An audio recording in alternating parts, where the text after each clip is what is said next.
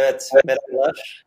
Kripto Ekonomi yayınımızın 8. bölümüne hoş geldiniz. Hocam sağ salim videoya girdik sanırım. Hoş geldiniz hocalarım.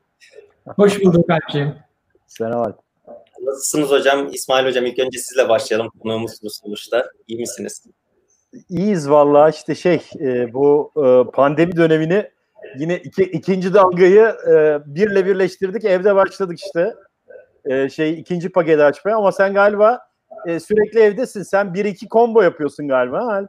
Evdeyim hocam. İkinci dalga, birinci dalga hepsinde evdeyiz. Default olarak böyleyiz artık. Hadi bakalım. Hatta yeni dünyalar yaratmaya başladı Alp kendi evinde. Ben mesela arka plandan biraz bahsetmek istersin belki Alp'ciğim. Zaten evdeyiz diye aynen bu sanal gerçeklik olaylarına falan da çok şey yapınca hani dedik bari evin bir odasını iyice stüdyoya çevirelim. Işıktı, kameraydı, green screen'di falan. Bir şeyler yapmaya çalışıyoruz. Mecbur işte bütün gün evde olunca insanlar kurcalıyor bir şey. Rahat batıyor. Şunu değiştirelim, şu odayı değiştirelim diye. Siz nasılsınız hocam? Orada hocam? Valla çok şükür hani iyilik değilim iyilik olsun. Tabii işte bu böyle Çin'de şimdi Pekin'den gelen bir takım haberler var. Biraz bizi ürkütüyor ama ya, Türkiye'de gördüğüm kadarıyla hani epey hayat normalleşmiş vaziyette. Üniversitemizde kampüsümüzü de tekrar açtık. E, dolayısıyla bir yeniden bir normalleşme sürecine biz de ekip olarak girdik. Özlüyorum açıkçası hani bütün herkesi e, tekrar hani sosyalleşebileceğimiz günleri iple çekiyorum ben de.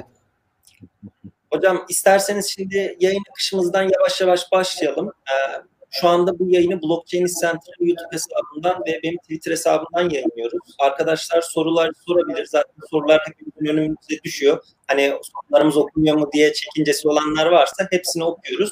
Yayın içerisinde de zaten bazılarını ekranda vererek cevaplamaya çalışıyoruz. Hocalarımıza burada sorularınızı iletebilirim. Ben bu yayında yine biraz daha böyle moderatör kıvamında davranarak yayın akışımızı biraz yönlendirecek şekilde o şekilde modere etmeye çalışacağım. Şimdi isterseniz hocam ilk e, konumuz 21. yüzyıl anayasaları akıllı sözleşmeler mi olacak şeklinde belirledik. E, bu konu hakkında isterseniz yavaş yavaş biraz konuşmaya başlayalım. Ben İsmail, mi başlayayım? Evet, hocam sizin çok güzel bir yazınız oldu bu konuyla ilgili. Dolayısıyla hani bu BTC Haber'de sizin açılışı yapmanız bence çok şık olur. Ee, ne düşünürsünüz hocam burada? Özellikle konunun herhalde toplumsal sözleşmelerle ilişkisi e, çok önemli bir konu. Ee, sizin yorumlarınıza başlayalım dilerseniz hocam. Evet aslında şöyle e, hani Bora hocam siz de galiba e, şey yapıyorsunuz e, bu sürekli verdiğiniz dersi e, bu, bu konuda özellikle bu hani kripto ekonomi, blok zincir ve kripto paralar konusunda e, verdiğiniz dersi sürekli yenileme ihtiyacı oluyor. E, şimdi ben de aslında bu yenileme ihtiyacı çerçevesinde hep böyle işte dört dört dönem bitti bizim şey e, bu kripto paralara giriş dersi ama hani o o mesela benim için çok öğretici bir ders oluyor. Çünkü e, öğrencilere bir şey öğretmek için öncelikle kendimizin öğrenmesi lazım. Kendimizin öğrenmesi için de daha da araştırmak lazım. Şimdi o araştırmalar çerçevesinde de hani biraz da sınırları zorluyoruz açıkçası. Şimdi bu sınır zorlama şeyi çerçevesinde, e, faaliyetleri çerçevesinde diyeyim. E, zaten e, hani e, kripto paralarla blok zinciri ilişkisini, Bitcoin burada nerede kalıyor, işte meşhur bir tartışma var. E, yumurta tavuk tartışması biliyorsunuz.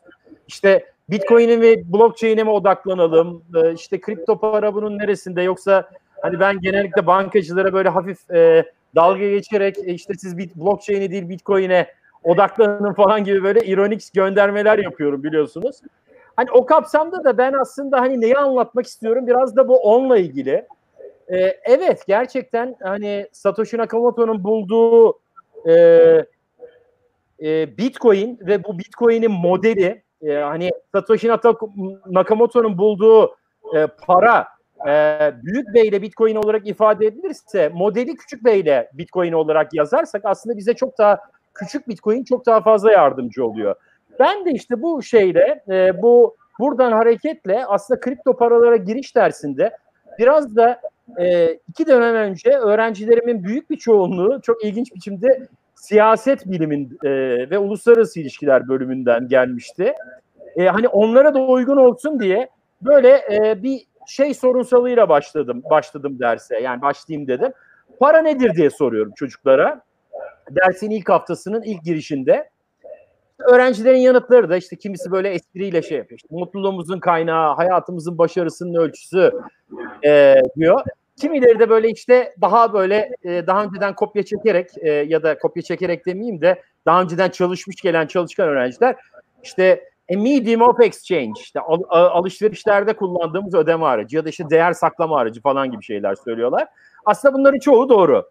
Ama ben bunları bir arkasından bunları biraz daha düşünmeye zorlamak amacıyla bir soru daha soruyorum. Orada diyorum ki peki işte bir toplum için para ne anlam ifade eder? Tamam Hemen başlıyor onlar. İşte alışveriş, ekonomi, ticaret, işte güven, kredi unsuru, sermaye, kredi, e, işte birey, şirket için e, işte ratingini şudur budur falan filan gayet de güzel. Bunlar da şey. Ama son soruda işi bitiriyorum ben. O da şöyle. E, peki diyorum para bir devlet için ne anlam ifade eder? Aha bu soruda çocuklar böyle gayet şey yapıyorlar. Çat diye e, takılıyorlar. E, işte biraz tutkun kalıyorlar ama ben de işte başlıyorum şeye bakıyorum. Bakın arkadaşlar bir toplumun sevk ve idaresi için özellikle ekonomik ve ticaret işleyiş için para çok önemli bir araç, çok önemli bir ortam. Ayrıca ülkeyi yönetmek için gerekli bütçe ve kaynağı işte bu senyoraj dediğimiz enflasyon, faiz, vergi gibi yöntemler üzerinden sağlayarak aslında ülkede bir istikrar oluşturma aracı. Ama diyorum ki işte bütün bu tanımların arkasından bunları toparladığımızda hepsinde en temel bir tanım var. Para toplumla devlet arasında bir sözleşme.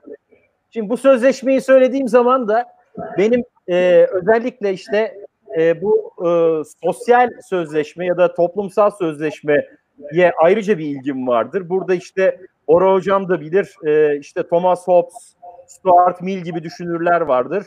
Jean-Jacques Rousseau özellikle işte bu Fransız devrimi sürecinde çok e, şey yapmıştır bu işe. E, bir meşhur bir toplumsal sözleşme e, şeyi vardır onun kitabı vardır. Ama hani burada şunu söyler özellikle John Locke'u e, ben ayırıp da John Locke'un modelini kullanmamın nedeni şu. John Locke diyor ki özellikle hani 1632-1704 arasında yaşadığı için de sosyal sözleşme kuramı aslında tam sanayi çağından önce ama sanayi çağına çok büyük katkısı olan bir düşünürdür İngiliz John Locke. Orada şöyle bir e, şey vardır aslında. Der ki e, bir toplum bir krala bir erki e, eğer veriyorsa ki aslında kralın böyle bir erki neden aldığına da bakmak lazım. Çünkü toplumda huzur için kral da bir şekilde ya da devlet erki de bir şekilde toplumla uyumlu geçinmek zorunda. E, yani toplumun aslında ta bu Magna Carta'dan beri özellikle İngiliz toplumunun krala ya da işte devlete verdiği yönetim yetkilenmesi aslında onun işte hak temelli yönetimine dayanır. Yani bu hak temelli yönetimden de özellikle bireylerin yaşam ve mülkiyetine ilişkin hak ve özgürlüklerin korunması karşılığında o ülkeyi yönetme etkisini huzur içinde yapar ve o güç o güç çok artar şeyde. Ama John Locke der ki eğer bu söz konusu yetki hakkaniyetli biçimde hakkaniyetli bir yönetim anlayışı çerçevesinde kullanılmazsa o zaman suistimal edilirse toplumda huzursuzluk başlar der. O, o zaman bu defada toplum onu geri alma iradesiyle bir devinim başlatır ve burada bu süreç sosyal sözleşmenin bozulmasına kadar gidebilir der John Locke. Şimdi ben bu öğretiyi parayla e, para bağlamında toplum devlet ilişkisi arasında da kullanıyorum ve diyorum ki para da aslında toplumla devlet arasında bir sosyal sözleşme olarak kabul edilebilir. Hatta ilk çağlardan beri de bu madeni paraların üzerine basılan bu kral lider portreleri veya işte günümüzdeki kağıt paralarının paraların üzerindeki Merkez Bankası Başkanı imzaları da aslında böyle bir sözleşmenin tezahürü diyor. İşte bu bağlamda da devletle toplum arasındaki hakkaniyetli işleyişi sembolize eden bir şeydir bu para. Bu işleyiş hakkaniyetli biçimde oluştuğunda bu paraya da istikrar olarak yansıyor ve toplum burada refah ve bolluk içinde yaşıyor. Ama tersi durumda yani her ne konuda olursa olsun paranın istikrarı bozuluyor. Siyasi ya da ekonomik olarak bir huzursuzluk olduğunda bu istikrar bozuluyor ve bireyler de bu bağlamda altın, gümüş hatta başka ülkelerin para birimleri gibi daha istikrarlı araçlara yöneliyor ve bu bağlamda paranın üzerindeki sosyal sözleşmeyi bozarak e, bir parasal istikrarsızlığa yani kaosa neden oluyorlar. İşte o yüzden de bu durumda devletler ne yapıyor? istikrar paketleri açıklıyor. Yeni finans paketleri açıklıyor. Amerika Birleşik Devletleri gibi para basarak, insanları paraya boğarak 2008'de şu anda olduğu gibi bunun üzerinden e, yeni bir uzlaşma ile aslında bu düzeni sağlamaya çalışıyorlar. Ya da mevcut mutabakat üzerindeki bir şeyle, e, bir revizyonla diyelim ya da bir yöntem değişikliğiyle. İşte bu ilk ortaya çıkışından beri de e, bu sosyal sözleşmelerin en büyük sorun sorunu da aslında toplum tarafından iktidarlara verilen bu yetkinin etkin biçimde denetlenememesi ve bu doğrultuda toplumla devletler arasında karşılıklı devlet e, yani güvene dayalı bir yönetim modeli oluşturulamaması. Bu sadece parada değil, hepsinde geçerli.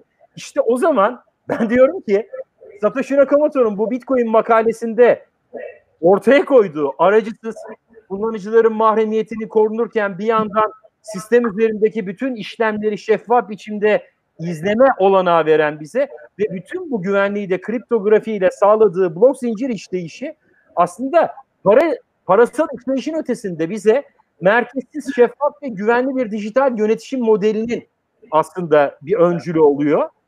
Ve burada da aslında Bitcoin'in arkasından geliştirilen Ethereum'un bu platformun insanlığa armağanı olan akıllı sözleşmeler de aslında bu blok zincir işleyişinin üzerine ekleyerek aslında bu dijital işte bu devlet işleyişinin toplumsal bir mutabakatla bir dijital anayasaya dönüştürülerek kodlanabileceği ve bu anayasal kodların da e, işleyişinin yani bizim devletsel deyimle yürütme erkinin e, toplumun her bireyi tarafından denetlenebileceği ve bunun da yine bir toplum mutabakatıyla yani anayasal değişiklik ya da seçimle e, revize edilebileceği ya da ortadan kaldırılabileceği yepyeni bir yönetişim modeli sunuyor.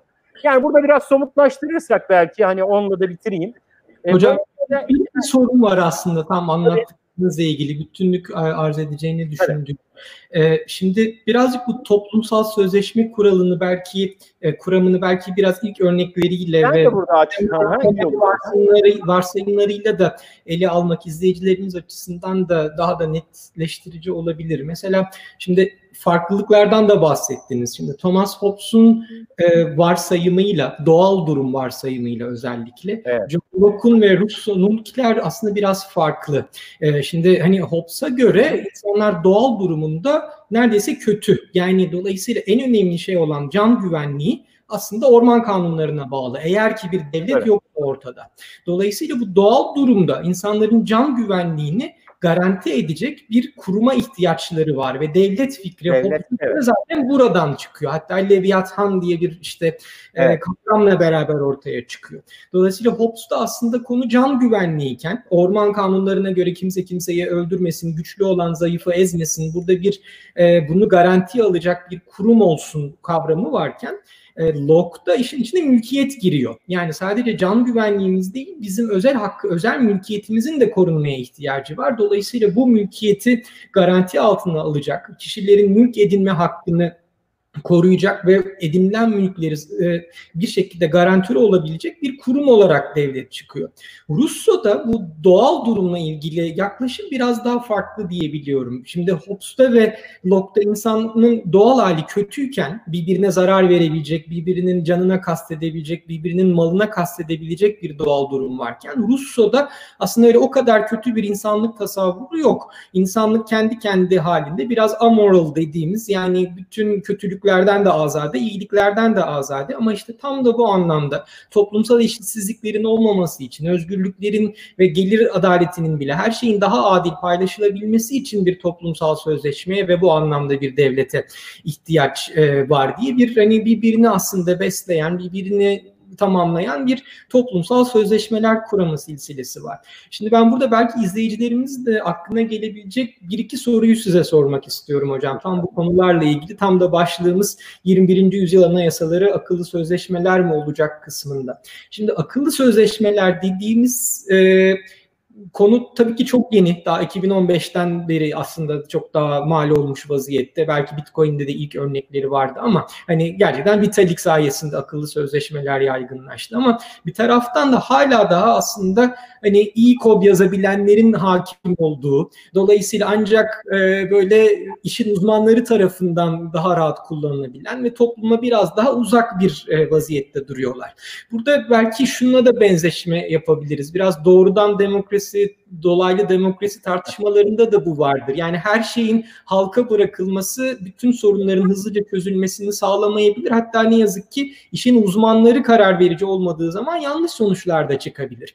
E şimdi aynı şeyi biz akıllı sözleşmeler içinde düşünebilir miyiz acaba hocam? Yani biraz teknokratla hükümeti tarzı bir e, acaba tasavvur bir hayalimiz mi oluyor bizim akıllı sözleşmeler üzerinden anayasalar düşünmemiz? Bu konudaki düşüncenizi bir de sahiden sizin bizim doğal durumumuzla ilgili 21. yüzyılda nereye gidiyor? Yani biz o Hobbes'un ve Locke'un gördüğü gibi aşırı rekabetçi birbirinin malını canına kastedebilecek kadar e, bir e, hale mi gidiyor insanlık yoksa Rousseau'nun düşündüğü gibi aslında özünde daha belki iyi ya da nötral ama e, hele ki bir sağlam güven ortamı olursa aslında herkesin birbirinin hakkını daha çok gözeteceği ve belki her anlamda adaleti daha çok düşüneceği bir insanlığa mı doğru gidiyoruz? Biraz ucu açık geniş sorular sordum hocam biliyorum ki ama yani sizin yorumlarınıza bırakıyorum.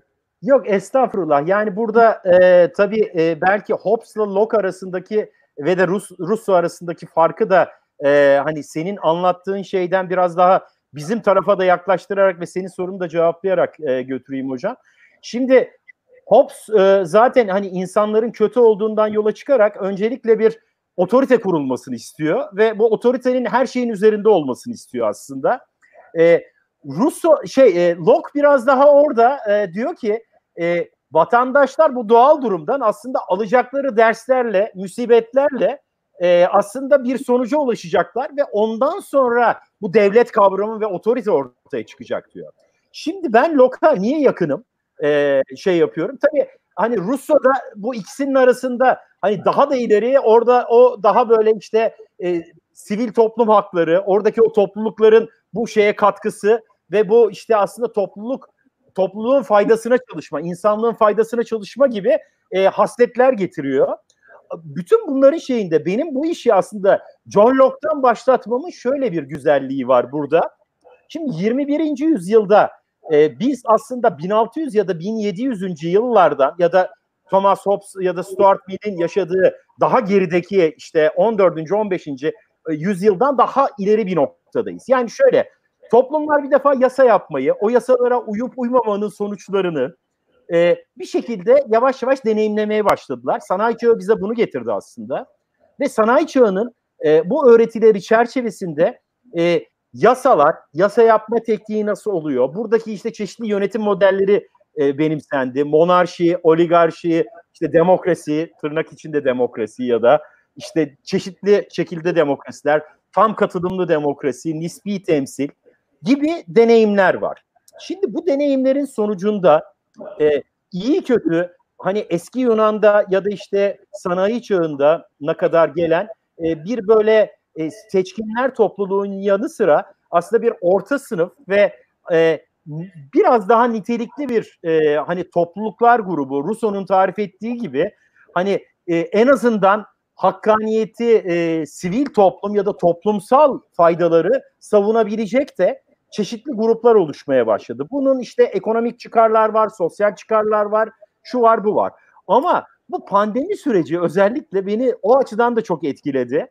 Bu pandemi sürecinde insanlık aslında iki çeşit şeyle karşı karşıya kalacak. Ee, özellikle hayatımıza giren internetle beraber. İnternet de bizim hayatımızda çok öğretici bir yere sahip. Şimdi burada şöyle bir şeyimiz var. İnternet de bir yandan insanlığa şöyle bir John Locke e, şeyinde e, diyor ki John Locke önce hani e, insanlar bir konsensüse varacak. O konsensüs üzerinden bir protokol elde edilecek ve ona göre işleyiş sağlanacak diyor. Şimdi bu deneyimlerin hepsini aslında biz yaşıyoruz ve internet de bize bir şeyler öğretiyor aslında.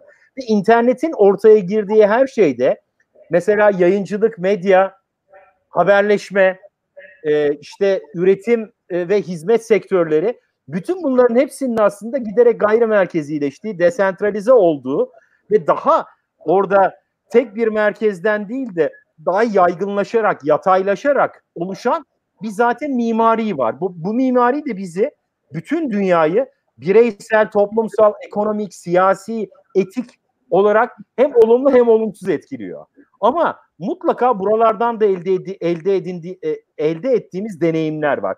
Şimdi bizim aslında burada yaptığımız şey blok zincirle ya da akıllı sözleşmelerle yaptığımız şey mevcut kağıt üzerinde kalmış anayasal aslında mahkemelerin ya da yürütme, yargı, işte e, yasama diye üçe ayrılan mekanizmayı biraz daha düşünerek yeni buradan bir toplum sözleşmesi. Bu toplum sözleşmesinin en altında blok zincir, e, onun, onun üzerinde de çalışacak akıllı sözleşmeler, hatta binlerce akıllı sözleşmelerle gelebilecek anayasa ve yasal e, şeyler ortaya koyuyoruz. Burada akıllı sözleşme ve blok zincirin bize getirdiği şey aslında yani burada şunu yapıyoruz. E, şu anda bütün toplumlarda görünen en önemli şey birincisi sizin o nispi temsile verdiğiniz e, kitlenin ne kadar sizin taleplerinizle örtüştüğüyle ilgili bütün dünyada çıkan şeyler var, e, tartışmalar var. Bir de bunun denetimi ve o denetim sonucunda birey ya da kişiler arası, topluluklar arası, bireyle devlet arasındaki uyuşmazlıkların yargıda çözülmesiyle ilgili bir takım sıkıntılar var ve ya da işte bu yürütme erkenin denetimi konusunda sıkıntılar var. İşte bunların çok daha sağlıklı yürütebilmesi, çok daha öngörücü yönetilebilmesi için blok zincirler üzerine e, konuşlanacak akıllı sözleşmelerle e, yönetişim yapılabilecek toplum topluluk toplum topluluk e, anlayışlarının sadece en büyük çekirdekteki devlet değil aynı zamanda apartman yönetimi anlatabiliyor muyum? Yani sonuçta diyelim bir apartmanda yönetişim yaptığımız zaman oradaki işte yöneticiden oradaki sakinlerin kiracı mal sahibi ilişkisine kadar aslında burada en küçük çekirdekte bile e, yapılması gereken bir sürü şey var. Futbol kulübü diyelim. Futbol kulübüyle, taraftarlarıyla, yönetimiyle takım arasındaki ilişki de böyle bir şey aslında. Her türlü yönetişimde e, aslında ortaya konulabilecek şirketlerin yönetimi, şirketlerin organizasyonları düşünsenize. Hocam yönetimi, apartman yönetimi demişken iki senedir bir WhatsApp grubu, grubu kuramadık apartmanda. Şimdi ben akıllı akıllı sözleşmeyi aidatı toplayalım desem nereye gider kim bilir. Şöyle burada önemli olan şey şu. Şimdi John Locke, e, Thomas Hobbes, Stuart Mill ya da Jean-Jacques Rousseau aslında bu tartışmaları başlatıyor. Burada önemli olan şey bu tartışmaların başlaması. Bu tartışmalar sonucu ortaya konulacak modeller zaten bize bir, bir yol açacak, bir yol gösterecek ve bunlar üzerinden de aslında önce küçük küçük başlayacak bu, sonra bu ihtiyaç, bu deneyimler sonucunda bunların hafif hafif şekillendirmesi olacak. Bu şekillendirmenin arkasından aslında bu iş ölçeklendirilebilecek ve yavaş yavaş topluluklara, e, işte toplumlara sirayet ettikçe aslında biz e, şeyi e, bulacağız, doğru yolu bulacağız, doğru yolları bulacağız ya da hani burada blok zincirin kendisi de aslında bize şu andaki hani Nakamoto'nun blok zinciri de belki bize doğru sonucu vermeyecek ya da doğru önermeyi yapmayacak. Anlatabiliyor muyum? Hocam tam o noktada ben biraz Alp'e pas atabilir miyim? Bu bütün bu konuştuklarımızla ilgili. Nihayetinde aslında hani bütün yönetişim sistemlerinin ideal hali zannediyorum olabildiğince farklı kesimlerce katılım sağlanması, teknik tabiriyle ölçeklenebilmesi, yaygınlaşabilmesi ve bizim blockchain dünyasında da ne kadar merkeziyetsiz olursa aslında o kadar daha sağlıklı bir blockchain yapısından söz etmek mümkün. Tam o noktada biraz Alp'e sormak istiyorum. Yani e, genel olarak şu anda hani blockchain dünyasının hani merkeziyetsizleşmesi sahiden artıyor mu? Mesela Bitcoin özelinde ya da Ethereum özelinde. Özellikle mesela bu halving sonrasında da pek çok değişiklikler e, oldu mu acaba? Yani şeyi biliyoruz hani değil mi pool'ların çoğunun aslında belirli birkaç hala politik iktisat tabiriyle konuşursak zümrenin elinde olması gibi bir durum var gibi. Hani öyle mi sahiden onunla ilgili Alp'cim senin belki hani güncel söyleyecek şeyler olabilir. Şimdi Google'da arattığınızda aslında blockchain.com üzerinde bir veri var. Pool'ları böyle pasta dilimi şeklinde gösterdiğinde işte orada 10-13 tane pool gözüküyor. Fakat şöyle bir şey var. Şimdi insanlar Bitcoin'de bireysel olarak solo mining dediğimiz şeyi yapamayıp mecburen pool'lara bağlandığı için yani aslında o pool'un sahibi o grafik üzerinde atıyorum %13'e sahip bir kişi gibi gözükmesine hemen altında belki on binlerce madenci var. Ve o pool'un sahibi Bitcoin'e belki kötü anlamda bir saldırı yapmak veya başka bir şeyi değiştirmek amaçlı kötü niyetli bir hamle yaptığında oradaki o pool'a bağlı madenciler kendi öz iradeleriyle o pool'dan vazgeçerek başka pool'a geçebilirler. Ya da belli bir sayıya ulaşınca kendi pool'larını da kurabilirler. Yani şey kısmına ben katılmıyorum çok fazla. Toplasanız işte 20-25 tane pool var diyelim en fazla. Bunlar kendi arasında bir fikir birliğine varsa istediklerini yapabilirler. Yani teorik olarak belki mümkün ama pratikte o o kadar da basit değil. Çünkü bunlar bireysel kişilerden oluşmuyor. Onlara destekleyen bayağı binlerce, on binlerce belki kişi var. Onun dışında şu anda merkezileş, merkezsizlik kısmına doğru geçersek yani e, şey yok. Çok böyle sorunsuz, kusursuz bir çözüm yok. Mesela Ethereum'un denediği de Proof of Stake'e geçmeye çalışarak aslında bugün de Çağın'la konuştuk bunu. Yani o da şey diyor bu minimum giriş bariyerini düşürmeye çalışarak giriş bariyerini ne kadar aşağı çekebilirsek o kadar fazla kişi girerse en azından hani elimizden gelen bu. Yoksa mesela herkesin tek bir oy hakkı olsun. Böyle bir şey olamıyor maalesef.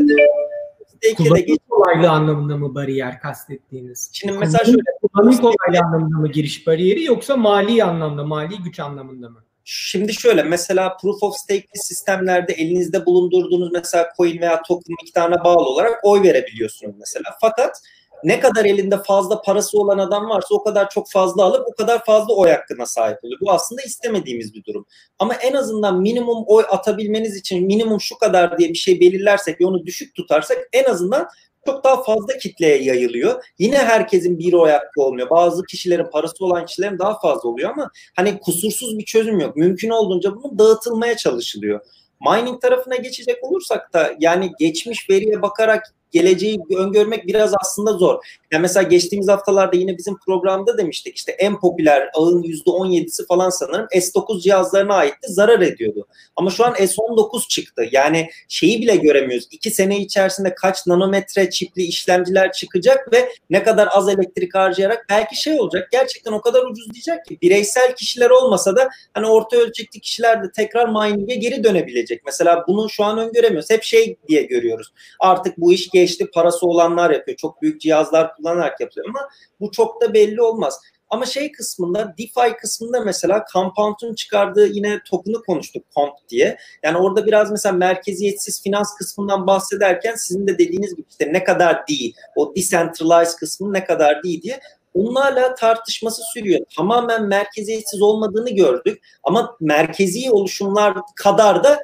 merkezi değil. Yani aslında biraz yine orta alanda kalmış bir şey oluyor.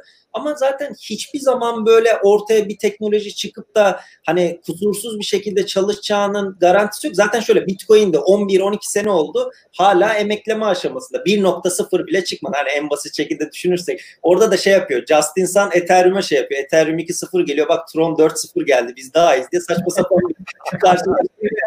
birisi de yazmış. Bitcoin'de 0.13 bine 15 bine sürüm yeni çıktı. O zaman en kötüsü Bitcoin mi diye. Yani o çok yanlış bir şey ama şeyi anlatmaya çalışıyorum. Yani hala beta. Mesela Gmail ilk çıktığında hepimizin ağzı açık kaldı. Yani Google çok düzgün bir mail servisi verdi. Fakat Gmail geçtiğimiz senelere kadar betaydı. Gmail'e girdiğinizde yukarıda beta yazıyordu. O bile betadan yeni çıktı. Yani ben biraz böyle düşünüyorum açıkçası. Şöyle hocam belki e, yani Alp'in bıraktığı yerden devam edersek e, bu aslında Bitcoin de e, ya da Bitcoin blockchain'i de bize e, aslında bu söylediğimiz şeyleri vermek için yetersiz bir şey. Yani ben hani benim e, bu şeyde özellikle Twitter'da arka plan olarak kullandığım bir network şeması vardır. O üç, üç halini anlatır. E, böyle bir tek şeyli bir cover. E, en solunda hani biraz daha e, süper merkezi network'ü gösterir. Ortasında biraz daha hani e, ortada işte 10 tane 15 tane mor noktanın olduğu kalanının hepsinin aslında pasif olduğu bir şeyi gösterir. Belki ha evet e, işte o en soldaki kısım biraz daha e, monarşiyi temsil ediyor ekrana göre şey. Aynen. Öbür taraf Bitcoin mesela ortası Bitcoin biraz daha oligarşi, madenci oligarşisi diyorum ben ona. Bizim gitmemiz gereken yer öbür taraf. Aslında hani bu e, açtığımız tartışmayla e, ideali gösteriyoruz. Aynı hani John Locke ya da işte Stuart Mill ya da Rousseau gibi aslında biz bizim görevimizde en şeyi temsil etmek. Şu andaki eldeki araçlarla Alp'in de söylediği gibi aslında bunu sağlamak için hani mesela Bitcoin'in kendisi yetersiz. İşte Ethereum burada da, e, başarısız konsepti yani biraz daha aslında teknik olarak şey yapan DAO'yla e, ya da işte e, şeylerle bu proof of stake ile buraya geçmeye çalışıyor. Ama burada daha önümüzde alacak epey yolumuz var. Fakat bu bize şunu gösteriyor. Biz burada en temelde konsept olarak, kavramsal olarak blok zincir merkeziyetsizliğiyle akıllı sözleşme programlanabilirliğini toplumsal yönetime yani devletle toplum arasındaki sözleşme bağlamında düşündüğümüz zaman bu bize aslında yeni düşünüş kapıları ve yeni modeller ortaya açıyor. Yeni yönetici modelleri ortaya açıyor. E, e, şey yapıyor.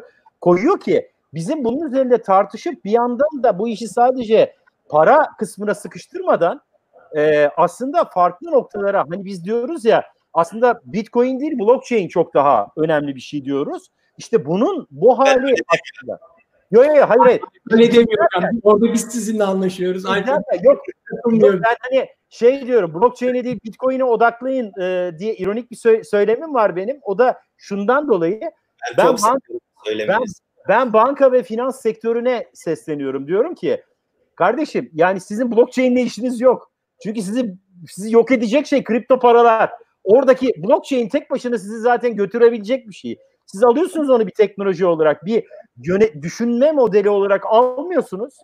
Ama sadece bir e, teknoloji olarak alıyorsunuz ve kendi şu andaki süper merkezi sisteminizde blockchain'le işe kurtarmaya çalışıyorsunuz. Böyle bir model olmaz. Bu bir oksimoron aslında ve birbiriyle çelişen bir şey. Dolayısıyla siz aslında sizin çözümünüz şu anda şeyde sizin e, hani e, şeyden çıkartacak. Bu şu andaki gittiğimiz uçurumdan e, alacak şey kripto paralar. Dolayısıyla siz kripto paralara odaklanın. Ama toplum bilimciler, sosyal bilimciler ya da e, işte Bora Hoca, İsmail, e, İsmail Hakkı Polat başkaları şeye odaklanmalı. Tam tersine bu blok zincirin bizim hayatımıza katacağı şeyler ne? İşte oradaki hani akademik açılımlar ne? Biraz daha buna e, şey yapmamız lazım. Alp'in mesela akademisyen yönüne şu anda master ve doktora e, ya uzanacak yönü aslında bununla örtüşüyor. İnşallah. Bilmiyorum. Doktora konusunda ben bayağı bir Alp'in yükleniyorum. Hani şu anda Allah söyletti diyelim yani. Bilmiyorum. Yoksa Alp, Alp'in madenci ya da işte şu andaki meşhur e, YouTuber yönü e, direkt kripto para ve bankacılık sistemini yok edecek şekilde gidiyor. Şu anda böyle bizi izleyen bankacılar olduğumu da biliyorum hocam. Dolayısıyla öyle değil. çok seviyor. Onları çok seviyor. Biz öyle öyle toparlayalım orayı. Blockchain'e odaklanınca şeyi kaybediyoruz. Odağı kaybediyoruz konuşmam benim meşhur. Alp sağ olsun orada e, şeyi getirdi. Günün sonunda Bora hocam aslında ben de senden e, belki şunu e, şey yapabilirim. Sana şunu sorabilirim. Şimdi bütün buralarda aslında sadece şey değil, e, sadece e, hani bizim söylediğimiz gibi toplum devlet yönetimi değil, aynı zamanda hani bu söylediğimizin finans ve ekonomiye de aslında daha genişletici, daha disruptif biçimde yansıması var. Dolayısıyla hani senin bu konudaki hani işin sosyolojik yönünü ya da sosyal bilim yönünü, yönetişim yönünü tartışmamız güzel. Bir yandan da ama ekonomi ve finans e, bağlamında bu konuştuğumuz noktadan nasıl gidebiliriz? Hani bankacılığı götürür, şey yapar o ayrı da şu andaki makro ekonomi ya da makro finansta aslında e, hani nasıl bir tezahürü olabilir bir blockchain temelli yönetişimin? Belki biraz o konuda e, hani e, senin de düşüncelerini almak bence e, çok faydalı olabilir. Estağfurullah hocam. Çok teşekkür ederim. Yani şu anda dünyada ekonomik önlemlerin çok enteresan noktalara geldiği bir e, aslında süreci yaşıyoruz hep beraber. İşte konuşmamızın başında aslında siz de söylediniz. Yani Fed'in işte hiç olmadığı kadar para bastığı, bir, bir sürü dolarların e, bir piyasaya sürüldüğü bir dönemdeyiz ve bu neyi getiriyor şu anda? Merkez bankalarının aslında para politikalarının bir taraftan da etkisini de sarsıyor. Çünkü güvenle ilgili de bir soru işaretleri oluşmaya başlamış vaziyette. Aynen 2008'de olduğu gibi. Dolayısıyla halvingin hemen öncesindeki son blokta da yine bailout planlarına referans verilmesini ben çok manidar buluyorum açıkçası değil mi? Hani kaç sene olmuş e, ve durumun ciddiyeti hiç geçmemiş tam tersi artmış yani trilyon dolarların e, boyutu artmış. E, bu ne demek? E, bizim zaten e, bütün bu toplumsal sözleşme konusunun temelinde ne vardı? Güven vardı aslında. Bir güven duyulması ihtiyacı var. Bu insanın en önemli belki ihtiyaçlarının başında. Çünkü korku insanın en, en önemli dürtülerinden bir tanesi. E insanlar finansal anlamda korku durumu içerisinde olurlarsa, panik içerisinde olurlarsa e, yalpalarlar. Bu bütün ekonominin gidişatını etkiler. Bütün çarkların dönüşünü bir şekilde etkileyebilir. Şu anda boşuna değil bence pek çok dijitalleşme ile beraber dünyanın pek çok merkez bankasının dijital paralarla ilgili projeler yapıyor olması, dünyanın dev firmalarının e, bu konuyla ilgili işte ödeme araçları geliştiriyor olması. Siz az önce o Twitter'daki arka resmi anlatırken monarşi oligarşi diye anlatmıştınız hocam. Ben de benzer bir şekilde bilmiyordum. Zaten onu monopoli ve oligopoli diye anlatıyordum. Yani tekelci ekonomi, rekabetçi ekonomi ve oligopol modelleri diye. Şimdi e, şu anda yani bir takım endişeler mevcut haliyle İngiltere'de ve Amerika'da yani negatif faizler düşünülüyor artık. Yani bu negatif faiz tabii yani çok bir anlamda kötü bir sinyal.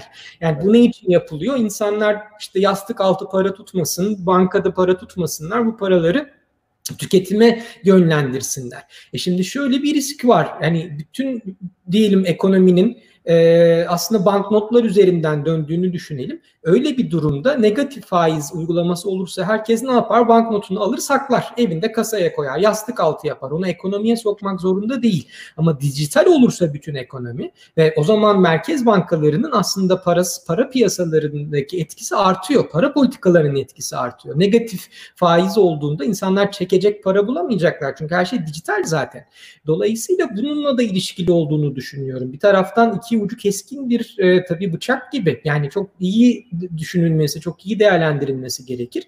Bu anlamda da Satoshi'nin de aslında Vitalik'in de vizyonunu e, gerçekten çok e, nasıl diyeyim e, şık buluyorum. Çünkü insanları bir özgürlük alanı yaratıyorlar bir taraftan. Yani bu sistem haricinde pek çok başka alternatif finansal sistemler yapmak, kurmak e, mümkün ama bunun sağlıklı işleyebilmesi için ancak pek çok kişi tarafından, pek çok hatta kurum tarafından da sahiplenilmesi lazım. Ancak o zaman alternatif bir sistem oluşur. Ee, göreceğiz hocam. Hani dünyada da aslında pek çok enteresan haberler var. Ee, galiba Brezilya'da hatta bir haber var. Belki biraz ona geçebiliriz. Ee, tam da bu konunun üstüne gelebilir. Ee, sana bırakıyorum Alp'ciğim. Ben e, bu hafta önemli bir haber çıktı. Brezilya'da WhatsApp'la WhatsApp ile ödemeler başladı şeklinde. Ben onun haberini de ekrana vereyim. Ekrandayken üstüne konuşuruz. E, şimdi bu haberde şöyle bir şey var. E, Facebook'un zaten hani WhatsApp dediğimiz aslında yine Facebook'un satın aldığı için. Şimdi e, hep bu Libra projesini konuşuyorduk. Facebook'un bu Libra projesi nereye varacak, ne yapacak diye hala aslında belirsizliğini koruyor diyebiliriz. Fakat Facebook'ta hani bu sırada şey yaptı. Biz niye boş duruyoruz deyip pardon şuradan haberi tekrar yansıtayım. Şey yaptı. Nasıl işte Apple Pay, Samsung Pay varsa hani biz de neden Facebook Pay'i yapmayalım? En azından yasal olarak direkt bunu yapabiliyoruz şeklinde zaten Facebook Pay yapmıştı. Buna da şu anda Brezilya'da test aşamalarına başladı. Burada resimde görülebileceği gibi hani çok basit bir şekilde işte arkadaşınıza mesaj gönderir gibi para atabiliyorsunuz. Bunun dışında tabii bu şeyde uzun süredir yine var. Hani Türkiye'de Apple Pay kullanılmadığı için pek aktif olarak bilmiyoruz kullanmadığımız için. Fakat hani iMessage üzerinden zaten Apple'ın kendi platformları arasında işte MacBook olsun, işte macOS olsun, iPhone'lar olsun, Apple ekosistemi içerisinde Apple Pay bağlı cüzdanınızdan atabiliyorsunuz. Bu ama tamamen bir şey dijital bir para. Hani zaten bütün sunucuların, bütün bu paranızın ne kadar bakiyenizin olduğu, hatta işine gelirse hani Facebook buna şu kişiye para göndermeni bile engelleyebiliyorum diyebileceği, hesabınızı dondurabileceği, aynı PayPal'in yaptığı gibi dondurabileceği dijital bir aslında şu diğer markalarında, diğer firmalarında olan ödeme yöntemi. Asıl insanların merak ettiği hani Libra olursa Libra buraya entegre olur mu, olmaz mı? Hani şu anda aslında haftanın en önemli haberlerinden birisi de buydu. E, tam bununla ilgili şöyle diyebilir miyiz o zaman Alp'ciğim? Biz daha hani e, İsmail Hakkı Hocam e, acaba apartman yönetimini blockchain'e geçirebilir miyiz deyince sen de dedin ki biz daha WhatsApp grubu kurup aidatları toplayamıyoruz. E işte bir taşla iki kuş olabilir belki hem WhatsApp hem ödeme. kadar hızlı cart diye giderse aidat buna hemen geçerler. Yeter ki para hani hızlı gitsin.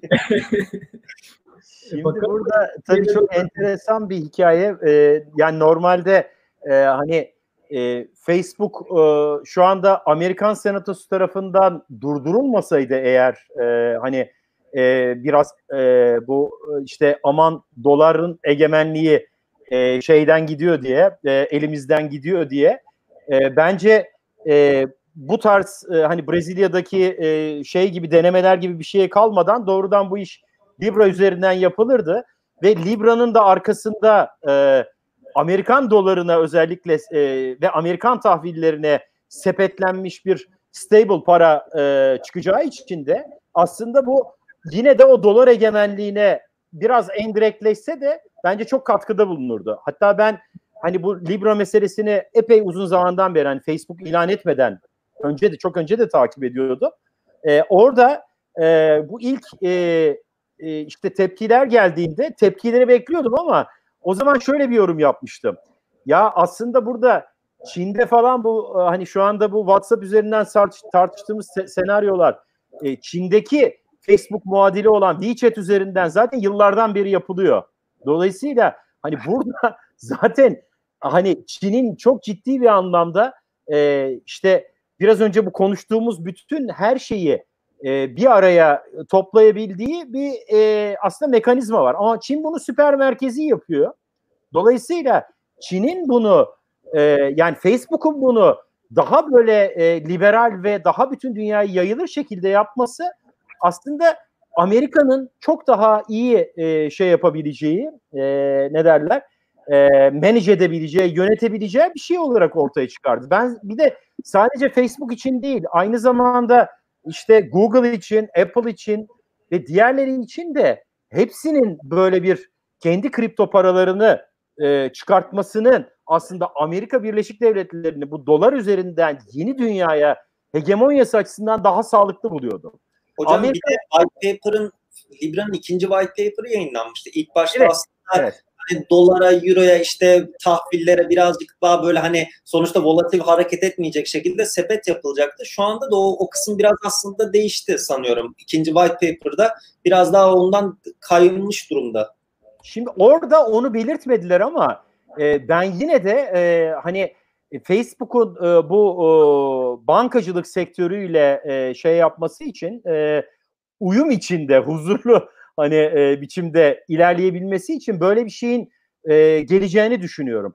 Şu anda birazcık e, açıkçası e, bu geleneksel finans, bankacılık ve siyasetin, Amerikan siyasetinin kurbanı oldu bu. Anlayışsızlığının, idraksizliğinin kurbanı oldu e, Libra bence. E, ve önümüzdeki dönemde e, hani küresel finansta da ABD-Çin arasındaki gerginliğin artmasıyla beraber bence e, bu bu tarz e, ödeme sistemlerinin önümüzdeki dönemde e, Facebook e, ve e, işte diğer Amerikan e, menşeili, Amerikan orijinli teknoloji şirketleri lehine onlarla bankacılık e, özellikle batı kaynaklı Amerikan bankacılık ve finans sektörünün ve siyasetin de bu işin içine e, girerek aslında bir uzlaşmayla sonuçlanacağını düşünüyorum. Çünkü Amerika'nın finansal hegemonyası da biraz teknoloji şirketleri üzerinden bu paraların arkada dolar desteğiyle yaygınlaşmasına bağlı. Bence buradan en kazançsız olarak çıkacak şeyler ülkeler e, Facebook'un e, şeyin e, Google'ın, Apple'ın ve işte e, Microsoft'un, Amazon'un falan çok yaygınlıkla kullanıldığı ülkeler. Bu ülkelerde çünkü mesela diyelim WhatsApp üzerinden siz bir para transferi yapıyorsunuz. Türkiye'de, Ukrayna'da, herhangi bir Avrupa ülkesinde, başkasında. Şimdi siz bunun arkasında dolara dayalı bir eğer para kullanıyorsanız siz paranızı aslında sistemden çıkartıyorsunuz anlamına geliyor bu. Dolayısıyla işte burada aslında önümüzdeki dönemde pandemi sonrası döneminde ki küresel finanstaki dönüşümlere de birazcık burada bakmak lazım ve bunun üzerinden okumak lazım bu yeni dönemi. Çünkü hani e, Bora Hocam'ın da bu konuda e, çok e, bence e, önemli e, yorumları olacaktır diye düşünüyorum. E şimdi siz Facebook'u, e, Google'ı, Amazon'u elini tutuyorsunuz. E, öbür tarafta adam zaten Alibaba'yı geliştiriyor, Huawei'yi geliştiriyor, Tencent, ByteDance, e, şey e, işte bu e, WeChat'in e, olduğu e, grup, ha ByteDance'ti onlar. Onların hepsi canavar gibi blockchain temelli business'lar geliştiriyorlar. O business'lar üzerinden bir de şu anda yeni bir e, bu özellikle Amerika ile Çin arasında Dünya Sağlık Örgütü üzerinden yürüyecek pandemi hesaplaşması sonucunda zaten bir ayrışım bir bloklaşma olacak. Bu finansa da yansıyacak, ekonomiye ve ticarete de yansıyacak. Burada o zaman Amerika ve Çin kendi ittifak alanlarını kurmaya çalışacaklar bu bloklaşma üzerinden. E o zaman neyle sağlayacak Çin bunu?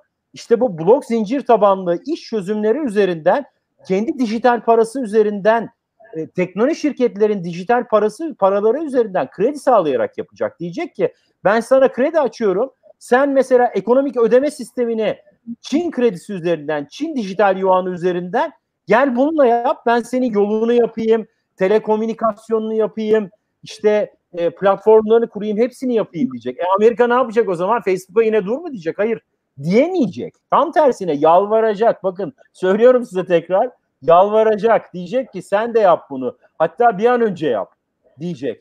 Demek evet. zorunda.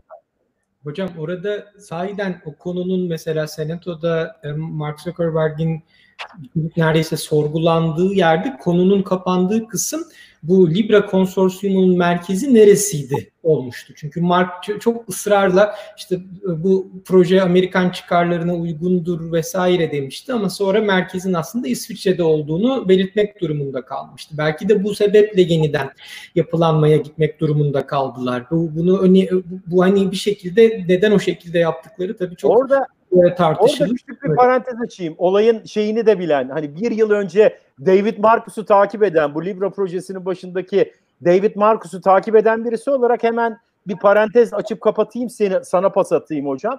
Şimdi İsviçre'de bu kurulmasının nedeni aslında bir David Marcus'un zaten İsviçre'de okuyan e, bir e, şey olması, e, bir sonradan işte Amerikan vatandaşı olan ve uzun hayatının uzun yıllarını İsviçre'de geçirmesi. İki İsviçre aslında Amerika'dan korktukları için neden? Çünkü Amerika'da kursalar Amerika diyecek ki sen git bunu dolara bağla ödeme lisansı al diyecek. Halbuki onlar inovasyon yapmak istiyorlar. Yani işi e, regular ya da çok düzenli, kalıplayıcı bir şey olarak kurmak istemiyorlardı onlar.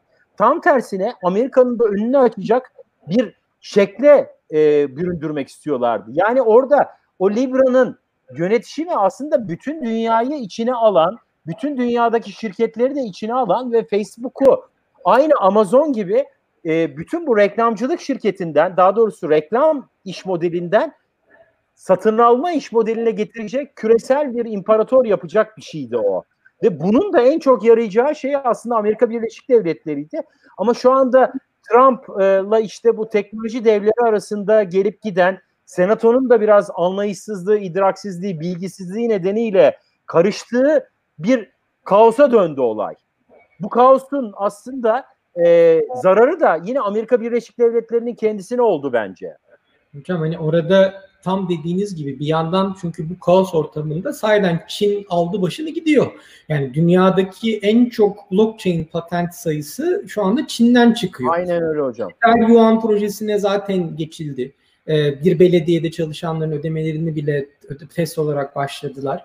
E bununla beraber sizin de bahsettiğiniz WeChat uygulaması çok yaygınlaşmış vaziyette. Ben de bu arada yeni ayrıntılar öğrendim o projeyle ilgili. Pandemi için, pandemiyle mücadelede bayağı e, WeChat uygulamasının e, sadece hani ödemeler fonksiyonu üzerinden bile o kadar çok veriye ulaşmışlar ki yani hep sorulur ya işte Bitcoin'le ekmek alabiliyor muyuz? E, WeChat'le alınıyor ekmek. Hatta yetmiyor. Hangi fırından alındı? O fırındaki çalışan başka hangi müşterilere ekmek sattı? Ve o fırına herhangi bir test sonucu Covid anlamında pozitif çıkan birisi girdi mi? O kişi kimlere e, temas etti ve o kişiler sonra nerelere gittiler? Bütün bunların e, haritası, haritalaması yaparak yapılarak e, burada aslında pandemiyle mücadelede bile bu WeChat uygulamasının e, bir şekilde kullanıldığını gördük. Ama tabii e, hocam hani muhtemelen benzer endişelerimiz vardır tam bu konuda. Yani Almanya'da çünkü aynı konu bütün toplumu ikiye böldü. Orada da WeChat gibi bir uygulama yok belki ama insanların bayağı sağlık bilgilerini, test sonuçlarını kendi rızalarıyla paylaşabildikleri ama bu anlamda lokasyon bilgilerini de paylaştıkları bir uygulama ikiye böldü toplumu. Çünkü kimi dedik ya bir dakika yani biz kendi elimizle bütün hassas verilerimizi veriyoruz. E bu veriler sonra ne olacak? Yani tabii ki hele bu kadar kişisel güvenliğin mahremiyetin ön plana çıktığı, tartışıldığı bir dünyada bir şekilde bu bilgilerin merkezi kurumlar tarafından çok daha artan bir boyutta kayıt altına alınmasının ve bu kayıt altına alınan bilgilerin kontrolünün kişilerde olmamasının tabii riskleri de var. Dolayısıyla Çin örneği sahiden enteresan. Dediğiniz gibi bir yandan rezerv para olan dolara buradaki hakimiyeti belki dönüştürmeye yönelik bir dijital yuan projesinden bahsediyoruz. Bir yandan tabii bu blockchain ve Satoshi'nin ve Vitalik'in e, hayalindeki özgür finans sistemiyle pek örtüşmüyor gibi galiba hocam. Belki oralara da değinmek istersiniz. Şöyle hocam e, aslında e, burada e, çok gözlerden kaçan Çin'in ilk dijital yuan projesi e, çıktığında e, Çin Merkez Bankası Başkanı Yardımcısının açıkladığı bir şey vardı. E, orada e, uluslararası bir toplantıda sordular bunu. E, şu anda WeChat'te ve senin işaret ettiğin gibi diğer bütün alanlarda özellikle Çin'de tabii bu kamera sistemi, kamera sisteminin bağlandığı Skynet sistemi falan gibi sistemler aslında GSM sistemiyle birleşince yapay zeka ile de birleşince süper merkezi, süper süper merkezi bir işleyiş oluşturuyor. Adeta e, hani Çin liderinin önünde bir tane dashboard var ve biz adeta e, 1984'de geri ışınlanıp George Orwell dönemi Aynen. yaşıyoruz gibi bir e, şey ortaya çıkıyor. Şimdi burada işte e, şunu e, konuşuyoruz senin de söylediğin gibi. Çin Merkez Bankası Başkanı'nın e, şey o açıdan önemli. Çin şu anda kendi içinde her ne kadar bunları uygulasa da Yuan'ı bütün dünyaya açacak ve bu dünyaya açtığı ülkelerin çoğunda da bu soruyu soracaklar ve oradaki batılı bir gazeteci de şunu sordu. Dedi ki siz de dijital yuanı, yuanı çıkartıp insanların e, ceplerini gözetlemeye başladığınızda, cüzdanlarını gözetlemeye başladığınızda e, işte Avrupa'da bir yere bir şey ihraç ettiğinizde orada bu insanları, bu şirketleri ya da şeyleri dijital yuan kullanmaya nasıl ikna edeceksiniz dedi. Çin Merkez Bankası yardımcısı şey söyledi dedi ki e, şeyler Çin yuanında öngördüğümüz cüzdanlar anonim olacak dedi. Biz de anonimliği destekliyoruz bu anlamda dedi. Şimdi bakın burada şöyle bir önemli bir şey var. Siz her ne kadar bu işi süper merkezi başlasanız ve ülkenizdeki kültür nedeniyle ya da süre gelen yönetim nedeniyle bu işi son derece süper merkezi yapsanız da bütün dünyaya açılan bir süper güç olmak ya da orayla iş yapabilmek için oraların kurallarını da göze almak zorundasınız. Göz önüne almak zorundasınız. Şimdi o aslında bir yandan Çin'i de aslında biraz daha desentralize ve liberalize edebilecek bir şey. Şimdi Çin'e baktığımızda aslında Çin'in halkının şu anda işte 1940'larda 50'lerde Mao döneminden geldiği noktası noktada ki Çin sosyalizmi hala tabela üzerindeki sosyalizm aslında biraz daha farklılaştı. Yani Çin Çin'deki orta sınıfın gelişmesi, onların zevklerinin değişmesi, bütün dünyaya seyahat edebilmeleri falan aslında ta bu işte John Locke'dan şeyden getirdiğimiz bu hikayeyi aslında doğal bir e, işte bireyin e, ve o bireyin oluşturduğu toplumun dönüşümüne de aslında itiyor. Hani bu anlamda burada Çin'in dış dünyaya açılması kendisini de dönüştürüyor. Bu pandemi sonrasında küresel finansta ve yönetişimde her ne kadar Çin süper merkezi gitmek gibi bir kendi içinde bir şeye gitse de başta finanstan başlayarak kendi toplumu için de daha sonra o blok zinciri bence çok daha e, liberal ve çok daha özgürlükçü biçimde kullanacak. Diğer ülkeler hani bizim Türkiye gibi, Batı dünyası gibi şu anda Çin'den biraz daha batıda kalan ülkelerin de bu anlamda çok daha liberalize olduğu ve aslında e, internetin sayesinde insanlığın daha desentralize olduğu ve bu desentralizasyonu başta küresel finans olmak üzere her anlamda yaygınlaştırdığı bir dönem yaşayacağız gibi. Burada çok küçük bir şey parantezi olabilir. Süper merkezileşme parantezi olabilir. Ama ben de onun çok kalıcı olacağını düşünmüyorum. Hocam çok olumlu bakıyorsunuz geleceğe açıkçası çok mutlu oldum. Hani tam bununla ilgili de şunu soracaktım. Aslında siz e, kısmen hemen onu da cevapladınız. Yani bize çok sorulan bir soruydu geçtiğimiz programlarda da tam da konumuzla ilişkili. Yani bu kadar merkez bankalarının da artık dijital paraları e, yaygınlaştırmak için çalışmalar yapması bizim klasik e, Bitcoin, Ethereum gibi kripto paralara e, sahiden decentralized kripto paralara yarar mı diye. Yani burada belki e, sahiden kullanımı alanları artık belki insanların e, mal mülkü gerçekten kripto paralarla aldığı örnekler de e, yaygınlaşacak. E, siz burada anladığım kadarıyla e, bu dijital e, para projelerinin merkez bankalarıyla yürütülen bu projelerin dünyayı sahiden topyekün merkeziyetsizleştirerek muhtemelen kripto paraların kullanımını da yaygınlaştıracağını mı düşünürsünüz hocam? Şöyle hocam, e, şimdi bu dijital paralar zaten hani merkez bankalarıyla hani Merkez Bankası ve e, merkezsiz finans ya da merkezsiz para dediğiniz zaman zaten acayip bir tuhaflık ortaya çıkıyor. E, birbiriyle çok ayrı duran iki e, konsept. Ben bunların aslında birbirleriyle etkileşerek aslında bir orta noktaya doğru yaklaşacaklarını düşünüyorum. Yani e, bu orta nokta tam mutlak bir orta olmayacak ama e, hani niceliksel bir orta nokta olmayacak ama niteliksel bir orta nokta olacak gibi geliyor bana. Bu bu anlamda da şunu düşünüyorum. E, şimdi merkez bankaları bu şekilde artık e, bu toplumun ihtiyaçlarına ya da kendi küresel finans ve ekonomik e, hegemonyalarına e, şey yapabilmek için sürdürülebilirlik sağlamak için kaçınılmaz biçimde dijital paralara geçecekler. Ancak bu dijital paralar aynı bu John Locke'un toplumsal sözleşmedeki suistimal ya da parasal istikrarsızlıklar nedeniyle insanların Venezuela ya da şimdi Arjantin'de olduğu gibi aslında dijital para da olsa, kendi paraları da olsa bu istikrarsızlığı yakaladıkları noktada ya da işte o cüzdanlarının gözetlendiği e, hissiyatını aldıkları noktada kendi varlıklarını, servetlerini kripto paralara ama şu andaki kripto paralar değil. Çünkü onların %95, %99'unu ben şey olarak görmüyorum. Hatta bir kısmının da net şekilde dolandırıcılık olduğunu ya da saadet zinciri olduğunu hepimiz biliyoruz. Örnekleri de var burada. Gerçekten hani bu yeni dönemde e, bu Satoshi felsefesi ya da şeyle kurulan, kurulacak kripto paraları kastediyorum.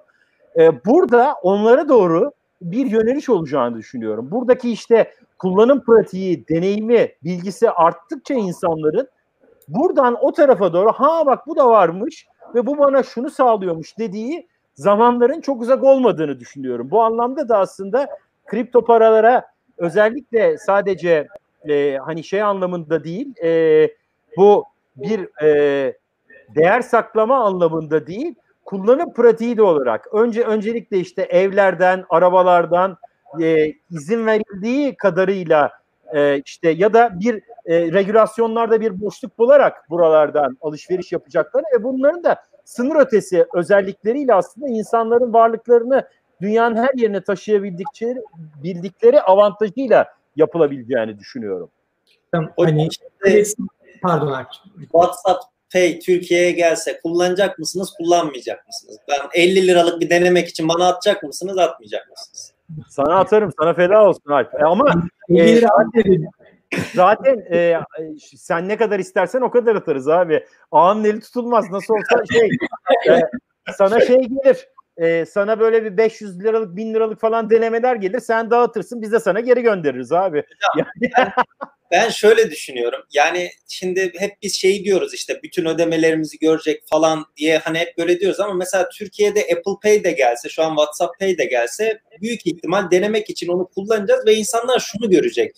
Ya ben diyecek bu kadar basit bir şekilde WhatsApp'tan para gönderebiliyorum falan deyip onu araştırmaya başlayacak. Ya bu para nasıl gidiyor? Evet, Karşıdaki evet. kişi bu parayı nasıl çekiyor? WhatsApp'tan gitti. Mesela Facebook'un hayalindeki şey şu işte birbirimize WhatsApp'tan para atalım. O parayı da Instagram'dan tişört alalım. Hiç kredi kartı bilgisine girmeyelim. Oradan Messenger grubundan arkadaşlarımızla işte alışveriş yapalım. Hatta şey yaptı Facebook'ta mesela bu ilan satış şeylerini falan tam onun için hazırlıyor. Yavaş yavaş ilan satış gruplarını falan. Tabii, tabii, tabii. Hayali o parayı orada döndürmek. Ama insanlar tabii bu para aktarımı sonrası şeyi merak edecekler. Ya bunu hani Facebook görebiliyor, ödemeleri görebiliyor. E ben şimdi bütün yatırımımı orada tutarsam e, donduruluyor mu ediliyor. Yavaş yavaş şeyi düşünmeye başlayacak. Ya bunun hani Facebook'tan bağımsız olanı yok mu? Alternatif mu? E yavaş yavaş da adam Google'a Bitcoin de yazar, kripto para da yazar. Yani adaptasyonu gerçekten oldukça arttıracaktır diye düşünüyorum ben. Buradan isterseniz konuyu neye bağlıyorduk? Bu e, gayrimenkul satışına bağlayalım. Bora Hocam siz de bunun hakkında yorum yapmak isterseniz oraya bağlayalım direkt. Ama zaten diyecektim hani böyle bu sadece işte Bitcoin'le kahve alınır mı sorularının arkasından hani acaba Bitcoin'le mal mülk, ev, araba alınabilecek mi? Hani az önce hani WhatsApp'tan 50 lira gönderir misiniz dedin İsmail Hakkı hocamıza. Hani bu sorular ileride ya bana bir ev alır mısın WhatsApp üzerinden ya da kripto paralar üzerinden diye acaba evrimleşecek mi diye. Ee, bu, bu haberi istersen e, sen öncelikle dile getir Alpçim. Sonra hani enteresan bir haber gerçekten. Ee, daha önce örnekleri yaşandı mı? Dünyada da acaba var mı? Belki onlarla beraber ele alabiliriz bu konuyu. Yani kahve alabiliyor muyuz diye soruyorduk. Galiba ev alınabiliyor artık. Ne dersiniz? Yani şöyle başlayalım. Artık değil aslında. Bu hani yeni bir haber değil. Bundan önce Reddit'te falan hep şey paylaşanlar çok vardı. Klasik bir Bitcoin'den böyle parayı vuranlar işte Lamborghini alıp Reddit'te aldım sattım falan diye paylaşı. Ev satışı da Türkiye'de de bu ilk değil. Fakat hani bunun haber değeri taşımasının sebebi hani en pahalı satış gerçekleşmiş. 1 milyon 250 bin dolar seviyesinde. Hatta bu haberden önce şöyle de bir tane başka bir haber göstereyim. Hani dünyadaki örneklerinden bir saniye yayının kesildi sanırım ama tamam şimdi düzelmiş olması gerekiyor. İnsanlar şeyi paylaşmıştı. Mesela işte zamanında gidip Bitcoin'e adam evini satıyor işte ya da Bitcoin'lerini satıyor ev alıyor işte o zamanlar iyi para ettiği için. Ondan sonra Bitcoin'in fiyatı o kadar artıyor ki evini satıp daha az Bitcoin almak zorunda kalıyor. İşte 2013-2014'te adam Bitcoin'lerini satıp araba almış. Fakat hani şu anda arabanın fiyatını düşündüğünde hani zaten böyle evdi, arabaydı hani büyük çaplı. Mesela burada şeyi şu asıl bizim orijinal haberimizi tekrar verecek olursak hani az önce ne dedik işte şey ekmek alamıyoruz. Hani en pahalı şu haberi vereyim ben. Ekmek alamıyoruz bakkaldan dedik de bir de işin orada şey kısmında düşünen olacaktır. Mesela siz Almanya örneğini verdiniz. Yani ekmek almak için işte Bitcoin kullanılamıyor ama bütün transaction'ları da görecekse şey diyen de olabilir. Yani ya tamam 1 liralık ekmeğe 2 lirada madenciye fee vereyim ama kimse de takip edemesin yani. Öyle düşünen de mutlaka olacaktır. Ev ev tabii alış satışında o fiyat kimsenin umurunda olmaz. Hatta biraz da büyük ihtimal fazla verir aman gitmez takılır onay beklemeyelim falan diye. Hani bunun haber olma sebebi en yüksek miktarda satış diyor oldu. İsterseniz hocam buradan biraz şeye geçelim. Yani bu satış şimdi tapuda nasıl oluyor, noterde nasıl oluyor? Yani ev araba alıp satarken adam soruyor paranı aldın mı? Diyorsun aldım. Satıyor musun? Sattım. Yani orada bir adam almadım dese, aldım dese, almadım dese o konuları biraz belki tartışabiliriz. Şimdi isterseniz ben biraz e, şey yapayım. Burada tabii e, benim anladığım kadarıyla e, hani e, gerçi haberin detayında e, hani nasıl e, o para transferi yapıldı ve e, hani o sözleşme tapu devrinde e, hani noter önünde mi yoksa tapu sicil memuru önünde mi nasıl yapıldı? Onunla ilgili e, böyle çok bir detay yok. Ya da varsa da ben kaçırdım bilmiyorum. Hani e, şey var mı? Ama burada bence şöyle bir boşluğa e, şey yapıyorlar.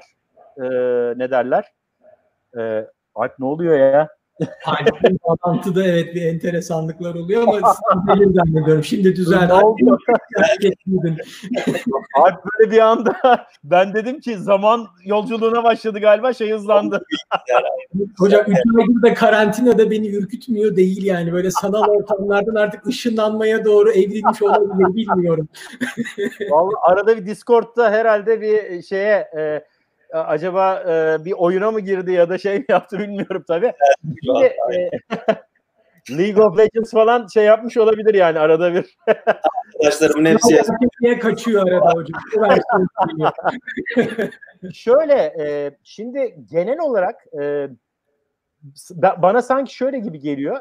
Normalde e, siz e, alım satım yaparken bazen ev özellikle ev alım satımlarında falan e, işte Hani vardır ya transferde meşhur bir laf vardır işte üç tane oyuncu biraz bir miktar para ve Holosko diye meşhur bir şey vardır. Hani Beşiktaş'ta Holosko ile ilgili her e, transferde o şey yapar. E, dolayısıyla burada da hani atıyorum şimdi 500 bin liralık bir ev satıyorsunuz diyelim. Orada e, işte 300 bin liralık bir evim var 200 binli de kalan nakitle vereyim muhabbeti olur. Dolayısıyla siz orada işte protokolü yazarsınız şu kadar işte bir 300 bin lira değerinde bir ev artı 200 bin lira ödenecektir diye. Onu imzalarsınız, onu notere tasdik ettirirsiniz, ondan sonra gelirsiniz. Burada da sanki o 300 bin liralık ev ya da bir holoskomun yerine sanki bitcoin kullanılıyor gibi çok az bir para veriliyor, tamam mı? O, o az parayla da helal olsun. bu iş sanki işte holosko gibi kitabına uyduruluyor gibi. Dolayısıyla hani burada e, holosko metaforu üzerinden sanki bu gayrimenkul de sonradan böyle şey yapılıyor. Bitcoin'le satıldı falan diye. Belki gayrimenkul şirketinin kendisi de e, burada o hani bütün alım satımı Bitcoin üzerinden gerçekleştiriyor ama onun ufak bir kısmını şeye çeviriyor, TL'ye çeviriyor ve oradan işte o TL'yi onun e, ödenme karşılığına banka transferine koyup o dekontla birlikte belki, belki de bunu muhtemel gibi. Yani arada bir aracının, emlakçının Bitcoin'i kabul edip evi satan kişiye orada Türk lirası veya hangi para birimi ise onu ödediği biraz daha bana da mantıklı geliyor. Yani şey de yani bir küsür milyon dolarlık da hani transfer esnasında bile oldukça virgül evet. oynadığı bir miktar olacağı için Bitcoin'in volatilitesinde yani zor. Biraz zor orada aslında o kadar da yüksek miktarda. Konunun tabii de vergi boyutu var. Artık oralarını evet. gerçekten ayrıntıda görmüyoruz haberde. Ee, ama yani şöyle yorumlayalım. Bunların bir şekilde e, İsmail Hakkı hocamızın da dediği gibi belki holoskovari melez çözümler de bile kullanılmaya geçilmeye çalışması eninde sonunda zaten bu işlerin regülasyonu da oturduğunda yaygınlaşmak için ayak sesleridir. Bu işin ilk adımlarıdır e, belki de. İşte hocam şöyle... ileride de şey olmaz mı? Lafınızı böldüm İsmail hocam. Mesela hani burada şeyi konuştuk ya şimdi işte noterde ya da tapu dairesinde sıkıntı olmayacak ya vermedim falan derse. E, ileride şöyle de bir şey olacak. Hiç notere tapuya falan gitmeyeceğiz zaten. Akıllı kontrat üzerinden senin evin benim evime varlığı yani bana ait olduğu bana geçecek. Hakkı bana geçecek. Ben de sana bir kripto parayla ödeme yapacağım belki. İsmail Hakkı hocam Alp'ten ben tapu örneği ve blockchain'i duydum ya artık yani bu programda benim için enteresan bir nokta. Yok hocam şey Alp şimdi John Locke'tan şeyden aldı bizi tekrar o tarafa doğru götürüyor benim anladığım kadarıyla. Ee, hani anayasayı da yazacak yakında. Bu aslında öğrencin olarak şey e, doktoraya doğru gidiyor anlamına geliyor. Evet evet hocam inşallah. Öğrenci, bir yandan da öğrenciyiz bir yandan da hepimiz sahiden e, birbirimizden öğreniyoruz. Hocam el birliğiyle doktoraya başlatabilirsek ama ben de size ayrı minnettar olurum yani. Bence akademi ben, için çok, çok güzel bir değer olur Alp. Bence kesinlikle olur. Ee, işte özellikle bilgisayar mühendisliği background'uyla bu sosyal dokuyu da birleştirirse tam 21. yüzyılın e, ilk toplumsal sözleşmelerini çıkaracak belki de ilk anayasasını yazacak. yazması lazım hocam. Birisi olabilir. Burada şunu söyleyeyim. E, şimdi burada e, yani Bitcoin aslında gayrimenkul satışında kullanılarak aynı altın görevi görüyor şu anda. Yani hani ben atıyorum şimdi ya benim şeyim yok ama altınım var. Al o altını. Şu kadar altınım var. Onun karşılığında da yine bir miktar holosko ile bunu denkleştirelim diyor. Ama bakın şu anda şu anda dünya öyle bir dönemde ki öyle büyük volatil e, şeyler olacak ki para birimlerinde öyle istikrarsızlıklar olacak ki adeta buna doğru gitmek zorunda kalacak. Dijital paraları ve düzenlemeleri bu yüzden çıkartmak zorunda kalacak. Yani şu anda e, öyle bir talepler olacak ki eğer şey olmazsa dünyada başka bir bitcoin ya da işte bu tarz paralardan ya da altın gümüşle dönen kara borsalar oluşmaya başlayabilir. O yüzden de e, hani önümüzdeki dönemde altın gümüş projeksiyonlarına, fiyat prodüksiyonlarına baktığımız projeksiyonlarına baktığımızda çok ciddi projeksiyonlar gösteriliyor. O yüzden bu düzenlemelerin aslında yapılması çok önemli. Bakın e, hani e, burada Alp'in verdiği örnekten gideyim. Mesela bir akıllı sözleşme modeliyle dijital paralar üzerinden her kurum ya da bireyin kazancına göre senin söylediğin e, Bora Hocam vergi işi aslında ödemesi gereken vergi orada bir akıllı sözleşme üzerine otomatik olarak hesaplayıp tahsil et kardeşim. Tapu dairesine de tahsil et, vergisini de tahsil et. Maliye Bakanlığı'nın e, blockchain'indeki e, direkt ana cüzdan hazinenin kasasına gönder oradan, dijital kasasına gönder ve bunun da ötesinde aslında devletin yıllık planladığı bütçeyi mesela ilgili kamu kurumlarına yapılan planlama dahilinde anında hani gelir gider olarak hesapla ve oradaki e, tahsil ettiğin, vatandaştan tahsil ettiğin vergiyi ya da kendi kazandığın geliri anında düzenli olarak dağıt o kamu kurumlarında Oradan da işte bütün harcamaları vatandaşın denetimine aç. Yani burada şunu gör. E, mesela ben bir vatandaş olarak vergi vergi veriyorum. Akıllı sözleşme ve blockchain üzerinden benden ne kadar vergi toplandı, bu hangi kalemlere ne kadar harcandı bunu göreyim.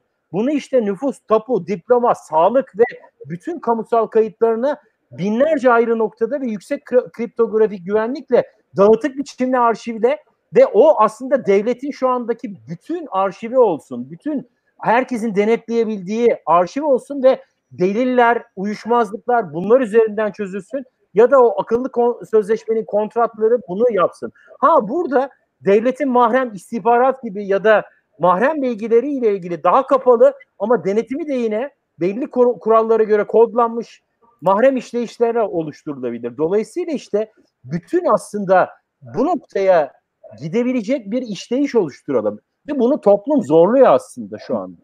O yüzden de işte bence işin buralara doğru gitmesi lazım. Alp de onun için iyi bir doktor öğrencisi. Ne diyorsun Bora Hocam?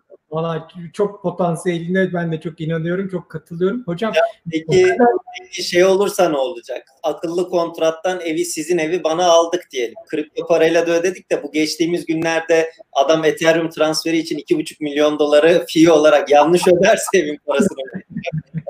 ya ama orada orada da işte e, şey e, yani onun karşılığı ne? E, senden her şeyi aldım diyor. Abi diyor şu transfer gecikti ama bak diyor elimde diyor kaydı var diyor. Sana dekont gösteriyor. Sonradan onu göndermediğini görüyorsun sen kendi banka hesabına baktığında ve ondan sonra da bir sürü arabayı o şekilde hackliyorlar adamlar. Kendileri alıyorlar. Yani sistem içinde bir sürü şey olabilir. Bunların da çözümü zaman içinde olacak. Ama bu iki buçuk milyon dolarlık tabii hack ayrı bir hikaye. Onun da mutlaka çözümlerinin hack demeyeyim de yanlışlıkla tırnak içinde transfer ayrı bir hikaye. Ama burada Bora Hoca'nın şu önemli bir şeyini de atlamayalım. Çok önemli bir şey söyleyecek gibi geldi bana. Cümlenin başlangıcından iyi bir pas gelecek gibi. Estağfurullah hocam. İkisine de yorum yapmaya çalışayım. Son Ethereum olayındaki gibi. Aslında sondan başlayayım. Diğer bizim toplumsal sözleşme konusuna hem geri dönmüş oluruz.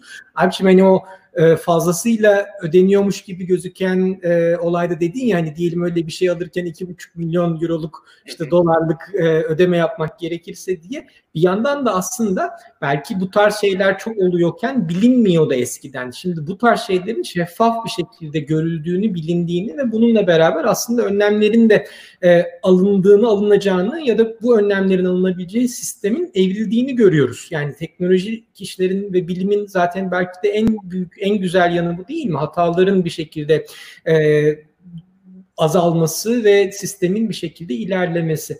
E, hocam sizin söylediğiniz konunun e, ben çok önemli olduğunu düşünüyorum. Çünkü belki de Türkçe çevirilerden mi ya da blockchain'in e, biraz hani 2008'deki finans krizine de manifesto niteliği taşımasından mı blockchain teknolojisi yani merkeziyetsiz dediğimizde sanki merkezi kurumların karşısında illa yer alması gerekiyormuş gibi anlaşılıyor. Halbuki sizin de yazınızda çok güzel belirttiğiniz bütün bu programda da söylediğimiz gibi merkeziyetsizliğin özü sorumluluğun paylaştırılması, yükün hafifletilmesi.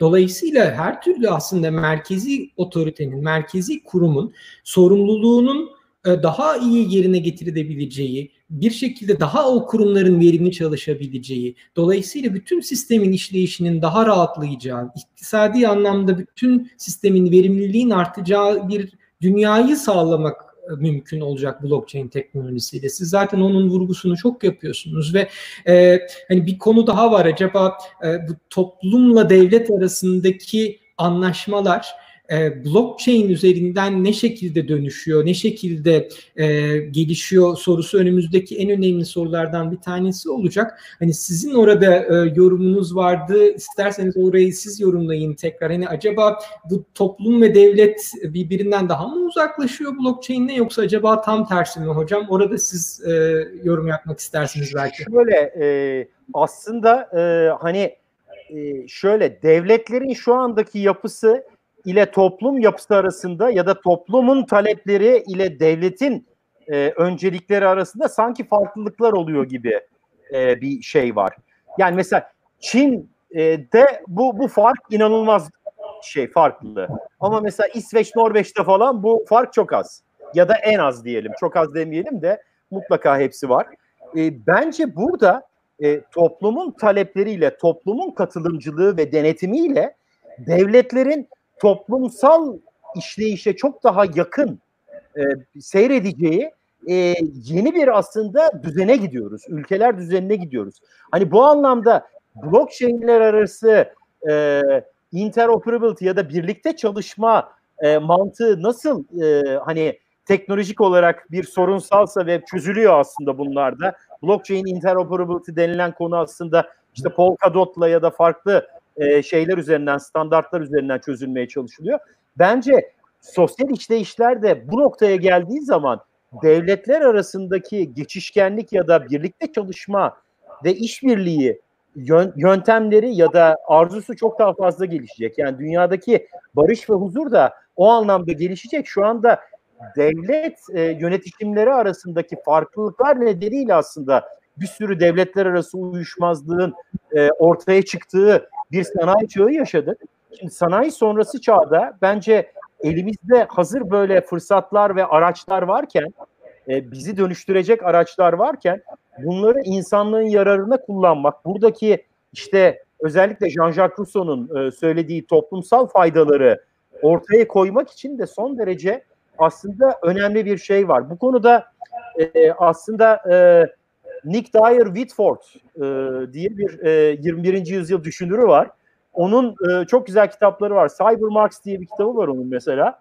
O e, işte orada mesela şeyi anlatıyor. E, aslında işte e, hani Marx'ın e, biraz daha söylediği e, bu e, dönüşümün hani e, Alvin Toffler'in biraz daha e, hani ne diyelim feodalizm e, işte daha doğrusu tarım toplumu işte sanayi toplumu ve bilgi toplumu olarak söylediği şeyin e, biraz daha aslında e, böyle bir e, Marx'tan Toffler'e yansıyan üç dalga e, noktası aslında bilgi toplumu için ta eski çağlardan beri gelen işte feodalizmle, kapitalizmle gelen olgunun e, önümüzdeki dönemde biraz daha liberalliğin ya da meritokrasinin arttığı daha anlamlı bir noktaya oturtulacağını düşünüyorum ben. Yani burada Marx'ın söylediği bütün üretim araçlarının işte e, şeye geçmesi, devlete geçmesi değil, bütün üretim araçlarının daha liberal biçimde topluma dağıtılacağı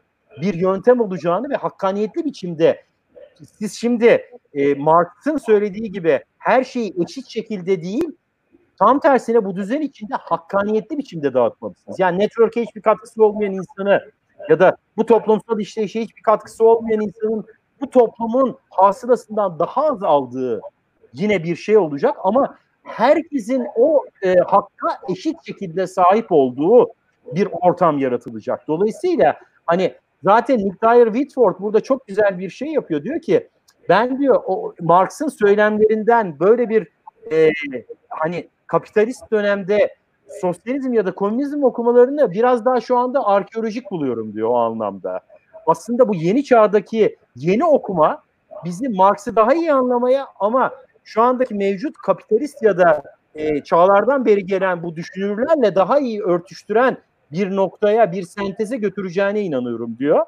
O anlamda da ben de aslında burada yaptığım okumada e, bu akıllı sözleşme mantığının blok zincirle ve merkezsizleşmeyle birlikte bize aslında bu sanayi çağı sonrasında kapitalizmin ya da sermaye ile birleşen yeni bir senteze doğru götüreceğini ve burada insanlığın bir e, yeni bir aydınlanma, dijital rönesans yaşayacağını düşünüyorum. Ama biliyorsunuz her rönesanstan ya da reformdan önce bir orta çağ gelir.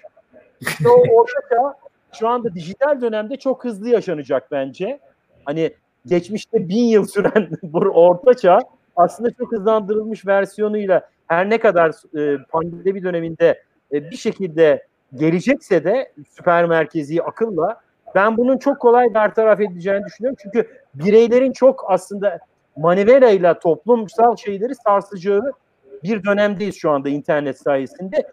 Yeter ki bir yok oluşa gitmeyelim. Yani Hocam, yok oluş olmasın. Çok da deneyim aslında biriktirmiş vaziyetteyiz diye düşünüyorum. Yani iktisadi anlamda da. Yani şu anda içinde bulunduğumuz dönemi işte 2008'de edinilen tecrübelerle de aslında değerlendirebiliyoruz. 1929'daki tecrübelerle de değerlendirebiliyoruz ve burada işte klasik bir laf vardır aslında yani pek çok e, iktisadi açısından farklı düşünürler olmakla beraber başta hani Adam Smith ve Keynes'i analım. Yani hep şey derler işleri iyi giderken bütün herkes daha Adam Smith'cidir. İşler kötü giderken bir anda herkes Keynes'ci kesilir. İşte devlet baba müdahale etsin işte her şeyi kurtarsın vesaire gibi. Hocam e, şuna bağlayacağım hani sentez kelimesini tam kullandığınız kontekste e, interoperability'den de bahsetmiştiniz. Yani blockchain sistemlerinin birlikte çalışabilirliği. Ya burada belki zaten bütün bu konuşmalarımız bize bir ortak noktaya getirdi gibi. Hem bu devlet ve toplum arasındaki e, uzaklığın muhtemelen dijitalleşmeyle beraber e, giderek yakınlaşması beklenecek. Bununla beraber aslında işte bütün bu oligopol modelleri dediğimiz işte dev şirketlerin de e, mutlaka halkı, toplulukları ikna etmesi gerekecek. Kullandıkları sistemin sizin Çin örneğinde verdiğiniz gibi belki sahiden anonimlik olmasıyla ve bununla beraber kendi çıkarları için değil gerçekten toplum çıkarı için o sundukları hizmetin kullanılacağını. Burada e, hem Fransa'da hem e, Fransa'da CNRS'te oranın TÜBİTAK'ında hem de Harvard'da kürsüsü bulunan bir genç siyaset bilimci vardır. Primavera de Filippi. Belki bir de bir de onu analım. Ee, o böyle blockchain ve tam bizim konuştuğumuz bu yönetim sistemleri üzerine, governance modelleri üzerine bir kitabı da vardır.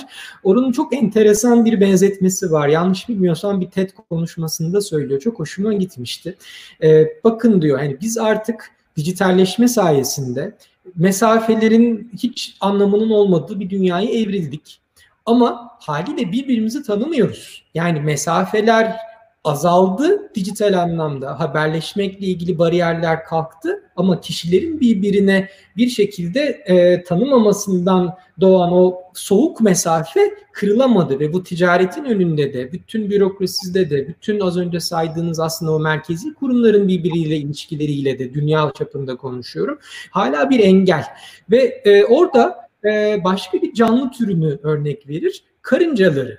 Der ki bakın karıncalar birbirini tanımaz ama hani milyonlarcası ortak iş yapabilirler. Çünkü bir şekilde hani kurdukları sistem e, gerçekten birlikte iş yapabilmek üzerine e, gelişmiştir. Öyle evrimleşmişlerdir. İşte blockchain teknolojisi insanların ve insanlığın aynen karıncalar gibi birbirlerini tanımadan bu anlamda güvenmeye ihtiyaç duymadan çünkü hani güvendikleri sistem artık gerçekten bu blockchain teknolojisi olacak diyelim. Bu sayede birbirleriyle iş yapabildikleri, insanların karıncalar gibi bu anlamda çok daha belki üretken olabildikleri, kolektif bir şekilde çalışabildikleri bir dünya e, hayalini vurgular. E, ümit ederiz öyle olsun diyeyim ben de.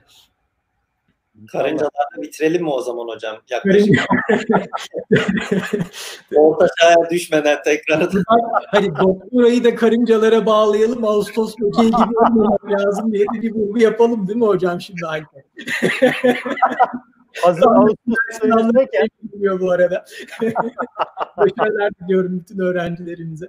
Hocam Taş Konağı yorum gelmiş bizim Blockchain Center'ın ofisine. Yunan illa taş görünce Yunan olsun. Madem öyle bilgisini de verelim.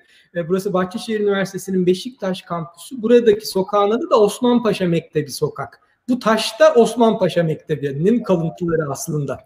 Dolayısıyla bayağı Osman Paşa yani hiç Yunan falan değil. onu, onu vurgulamış olalım. İsmail Hocam son bir söyleyeceğiniz bir şey yoksa kapatalım isterseniz yavaş yavaş sizin de.